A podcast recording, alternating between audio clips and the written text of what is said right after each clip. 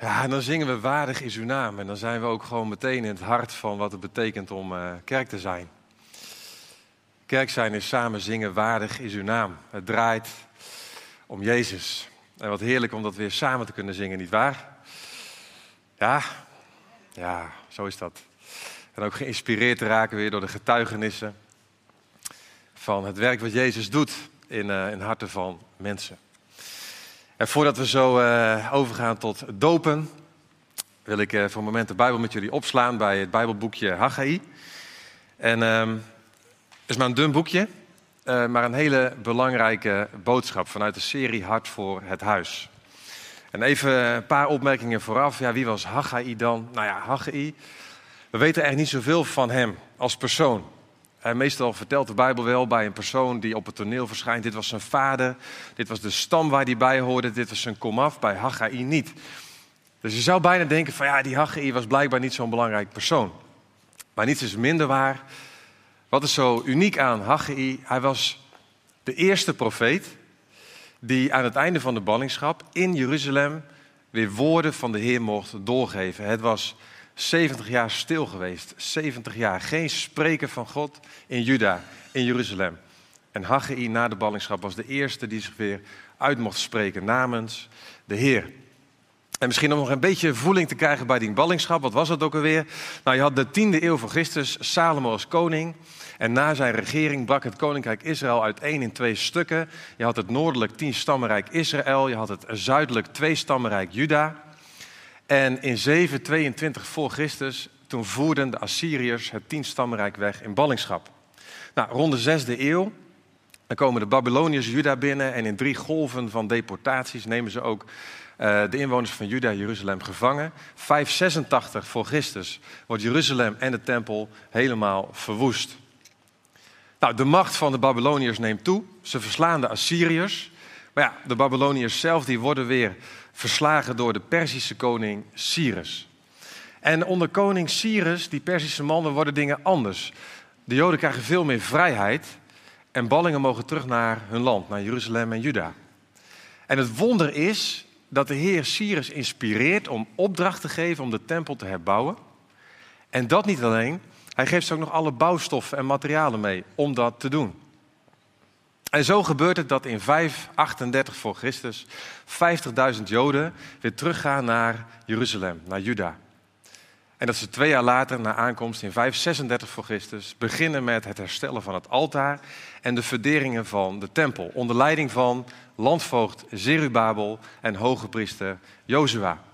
Dus op zich heel gaaf. Ze komen terug en ze beginnen naar hartelust te bouwen. Maar drie jaar later, in 533 voor Christus, stopt de herbouw van de tempel. En dan roept God, de Heer van de hemelse machten, want zo wordt hij in dit boekje genoemd. Dan roept God Haggai om, om te zeggen, volk, sta op, begin weer met bouwen, ga weer aan de slag. En tot vier keer toe mag Haggai woorden van de Heer spreken tot het volk in een periode van vier maanden tijd. En dan wil ik met jullie gaan lezen uit hoofdstuk 1, dat is de eerste keer dat Haggai namens de Heer mag spreken.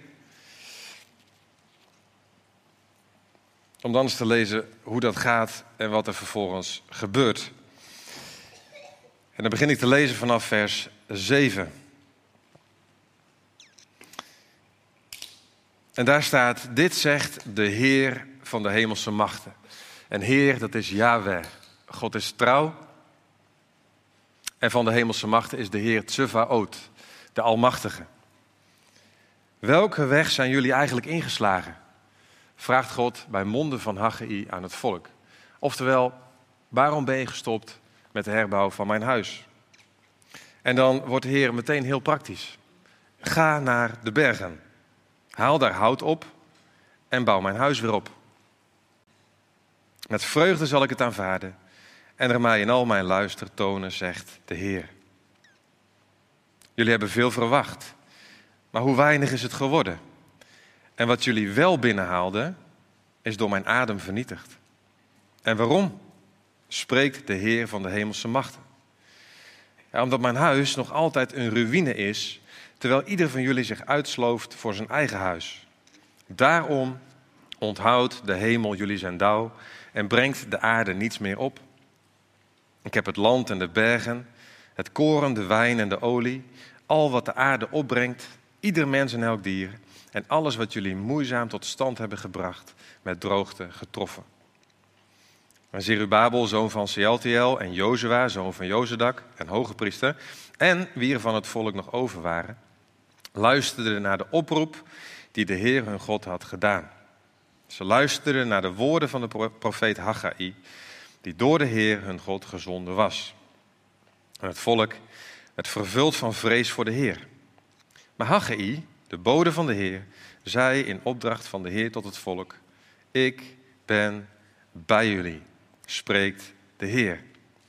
En zo zette de Heer Zerubabel, zoon van Sealtiel en gouverneur van Juda, en Jozua, zoon van Jozadak en hoge priester, en wie er van het volk nog over waren, ertoe aan te beginnen met het herstel van de tempel van de Heer, van de hemelse machten, hun God.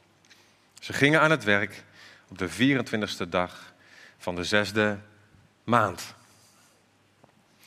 Na 70 jaar stilzwijgen in Jeruzalem is daar een profeet van de Heer, Haggai in. Hij mag aansporen, hij mag aanmoedigen, hij mag aanvuren. Pak het werk weer op. 13 jaar had het stilgelegen. Was er niets gebeurd. We zijn inmiddels in het jaar 520. 13 jaar was er niets gebeurd. En dan lezen wij in het laatste vers dat ze na drie weken, 23 dagen om precies te zijn, de boel weer hervatten. En dat vind ik fascinerend. Hoe is het mogelijk dat iets wat, wat 13 jaar stil ligt, in iets meer dan drie weken weer in volle omgang beweegt? Blijkbaar waren alle materialen beschikbaar. Blijkbaar hadden ze elk moment zomaar kunnen beginnen. 13 jaar stilte. 13 jaar ligt het stil. En binnen drie weken, of met drie weken, beginnen ze weer te bouwen. En dat bracht mij ook bij die vraag van, hey, hoe, hoe komt het eigenlijk ook alweer dat ze gestopt zijn? En hoe komt het dan dat ze weer zijn begonnen? Nou, als we dan nog weer even teruggaan naar 536, toen ze terugkwamen uit ballingschap.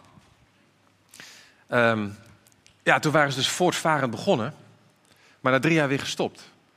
En dan kunnen we opmaken uit het verhaal dat dat kwam door tegenstand. Uh, er waren omliggende volken, er waren vijanden en die kwamen met een valse aanklacht. Want Cyrus had gezegd, jullie mogen de tempel herbouwen. Maar die tegenstanders die zeiden tegen Cyrus, weet je wel wat de Joden daar allemaal doen, daar in Jeruzalem? Ze herbouwen de stad. Ja, dat was niet de bedoeling. Het was een valse aanklacht, het klopte niet. Maar het volk was geïntimideerd. En Cyrus die stelde een onderzoek in en die kwam eruit van, joh, dat is helemaal niet waar, het gaat hun om de tempel. En toch, het kwaad was al geschied. De intimidatie en ontmoediging was naar binnen geslagen en de ijver voor het bouwen van het huis van de Heer, de ijver voor de Heer zelf was gedoofd. En, en daar waar de dreiging weg was en ze eigenlijk gewoon weer hadden kunnen gaan bouwen, ja, het kwaad was al geschied. En, en dan krijgen ze uitstelgedrag. Ze beginnen hun eigen huis te bouwen, hun eigen dingen te doen. Uitstellen rites. En er staat ook in hoofdstuk 1 dat ze zeggen van ja, het is gewoon nog niet de tijd. Het is gewoon nog niet de tijd om te bouwen aan het huis van de Heer. Morgen of overmorgen of straks of dan. Maar niet vandaag. En dan gaan ze toch in drie weken tijd bouwen. Voortvarend. Hoe dan? Wat maakte dan dat ze toch weer in beweging kwamen? Dat ze toch weer vol vuur en ijver aan de slag gingen? En we kunnen uit Haggai opmaken twee dingen. Dat ik graag met je delen. En het eerste is de invloed van droogte. Het lag 13 jaar stil en de Heer had iets nodig om, om het volk weer, ja, de aandacht van het volk te trekken en hun wakker te maken. En hij gebruikt dan droogte. En dat kunnen we lezen in hoofdstuk 1, vers 11. Dat er staat dat de Heer het land en de bergen, de koren, druiven, olijven, al wat de aarde opbrengt, ieder mens, ieder dier, God had hen getroffen met droogte. En de akkerbouw was belangrijk. Dus dat graan en de druiven voor wijn en de olijven voor olie, dat waren de belangrijkste inkomstenbronnen. Daar dreef het volk op om te kunnen leven. En die droogte, ja, die had de oogst vernietigd. En het werd ongemakkelijk. Het begon te schuren. Het werd oncomfortabel. De mensen waren teleurgesteld. Het was allemaal niet zo fijn meer. En dat voel je ook. En de Heer die gebruikt die droogte om, om, om dingen los te maken. Een soort ongenoegen. Om ze wakker te schudden. En op een gegeven moment is het volk op een plek dat ze zeggen, ja, is dit het nu? Is dit het nu? En God die gebruikt die droogte om ontvankelijkheid te cultiveren in het hart. Een toenemende ontvankelijkheid om hen voor te bereiden. En dat is wat droogte kan doen, nietwaar? Ken je dat? Droogte in je leven. Dat je hart dorstig wordt. Dat het schuurt. Die momenten dat je denkt, ah, is dit het nu? Dat je er onrustig van wordt. Dat je er narig van wordt misschien wel. Dat het oncomfortabele iets doet op de bodem van je ziel. Misschien wel de leegte die zich in alle hevigheid aandient. Is dit het nu? Is dit het nu? Waarom gaat het zo moeizaam eigenlijk? Op mijn werk of in de relatie met mijn kinderen of relatie met mijn partner. Waarom, waarom lukt het niet om, om goed in verbinding te zijn met de mensen om me heen? Hoezo dient dat innerlijk zich aan met steeds meer ongenoeg? Kan zeer doen, nietwaar? Droogte. En hoe mooi is het om dan te beseffen vanuit het boekje Haggai dat, dat God een doel kan hebben met droogte in ons leven. Dat Hij het kan gebruiken om ons wakker te schudden, om dingen om te voelen, om ons ontvankelijk te maken. Dat is een mooie plek om te kunnen zeggen van ja, die droogte schuurt en ja, die droogte, auw. En toch, we zien hier dat God droogte gebruikt om het innerlijk van het volk weer dorstig te maken. Om zijn woorden te kunnen ontvangen. Want dat is het tweede. Wat zet het volk in beweging om weer te gaan bouwen? Allereerst de invloed van droogte en dan het spreken van de Heer. Die komt in die droogte. En, dat is een, een groot thema in het boekje Haggai. Dat spreken van de Heer, 70 jaar stil. En dan staat er maar liefst vier keer bij monden van Haggai begint de Heer te spreken. Woorden van leven. En het volk ontvangt. Want er is voldoende losgewoeld. Het slot is eraf. Er is voldoende ongemak om hun alert te maken. En ze drinken Gods woorden in. En dat maakt dat dingen die 13 jaar stil lagen binnen drie weken weer in beweging kunnen komen. Het spreken van God. Hoe is dat bij jou? Hoe is dat bij mij? Hoe is dat bij ons? Als je de droogte kent. Want te zeggen, hé, hey, de droogte, mijn ziel wordt weer dorstig. Zou het kunnen dat God het gebruikt om een beweging van herstel in mijn leven op gang te brengen? Misschien ben je wel stil komen te liggen in je geestelijke wandel. Misschien geen 13 jaar, of misschien wel 13 jaar. Misschien 13 maanden of 13 weken. misschien is het altijd wel stil geweest. Mis je de beweging al zo lang in je hart?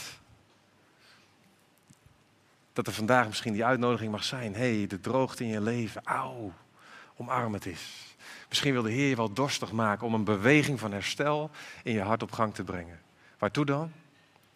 Ja, wat je hier ziet is, is dat God een beweging van herstel op gang brengt om die tempel te bouwen. En waar staat die tempel voor? Ja, die staat voor de hartsrelatie met de Heer. De tempel staat voor de hartsrelatie van God met mensen en mensen met God. Het centrum van het geestelijk leven. Nou, het deed me denken aan spreuken. Van alles waarover je waakt, waak vooral over je hart. Het is de bron van je leven. De droogte had het volk dorstig gemaakt. Maar de Heer gebruikt het om een beweging van herstel op gang te brengen. Naar een hartsrelatie met Hem. En we, we wandelen in, in de serie Hart voor het Huis. En ik vind het echt fantastisch om gewoon die zaal weer gevuld te zien. Ik denk, ja, hè, we mogen weer samenkomen. En samen zingen, waardig is uw naam. De essentie van kerk zijn beleven. En waar het dan over gaat in het Bijbelboek Haggai, is dat, dat de essentie van bouwen aan het huis niet begint bij vrijwilligers verzamelen om activiteiten te doen waardoor de boel weer gaat lopen. Nee, het is dat, dat de droogte verandert in een stromende rivier om te kunnen zingen, waardig is uw naam, dat de hartsrelatie weer bonkt en klopt. Want dat is de essentie van kerk zijn. En dopelingen, wat ik zo mooi vind in wat jullie vandaag aan ons laten zien en waarin jullie ook ons inspireren en voorleven, is dat je zegt: hé, hey, mijn hart, uw huis. Mijn hart, uw huis. En als ik jullie getuigenissen lees, dan herken ik droogte. Zo herkenbaar. Momenten van pijn, momenten van schuren, momenten van ongemak. Droogte. Maar toen kwam daar iemand, een vriend, een vriendin, een woord van de Heer, een lied. Toen kwam daar de Heer met zijn spreken. En hij zette dingen in beweging in je hart. En bracht je in een hartsrelatie. En dat vieren wij vandaag met jullie. Jullie gaan ons daar weer in voor. Jullie gaan voor daar waar mensen in processen zitten onderweg naar deze stap. Jullie herinneren ons en ook mij aan de stap die ik ook zelf heb gezet. Kerst 2006 om het te laten dopen. Wat een feest om de essentie van kerk zijn met jullie te vieren. En lieve mensen, als we dat dan zo samen doen, kerk zijn. Als we dan zeggen van Heer, gebruik elke vorm van droogte om ons dorstig te maken naar uw woord. Om die beweging van herstel en de relatie in gang te zetten. Waar mogen wij dan naar uitzien? Daar wil ik mee afsluiten. Een machtige belofte. Haggai 2 vers 9. Daar zegt het volk van ja, die tempel van Salomo, hè, die was eigenlijk wel veel mooier en veel groter dan wat we nu aan het doen zijn. Het is maar een schoenendoos. Feitelijk is dat wat ze zeggen. Ach, het zal nooit meer worden zoals het was. Wat is het nou voor tempeltje? En dan zegt de Heer, houd vol, houd vol, houd vol, tot drie keer toe. Want, let op, de belofte van de Heer op dit proces. De luister van deze tempel zal groot zijn.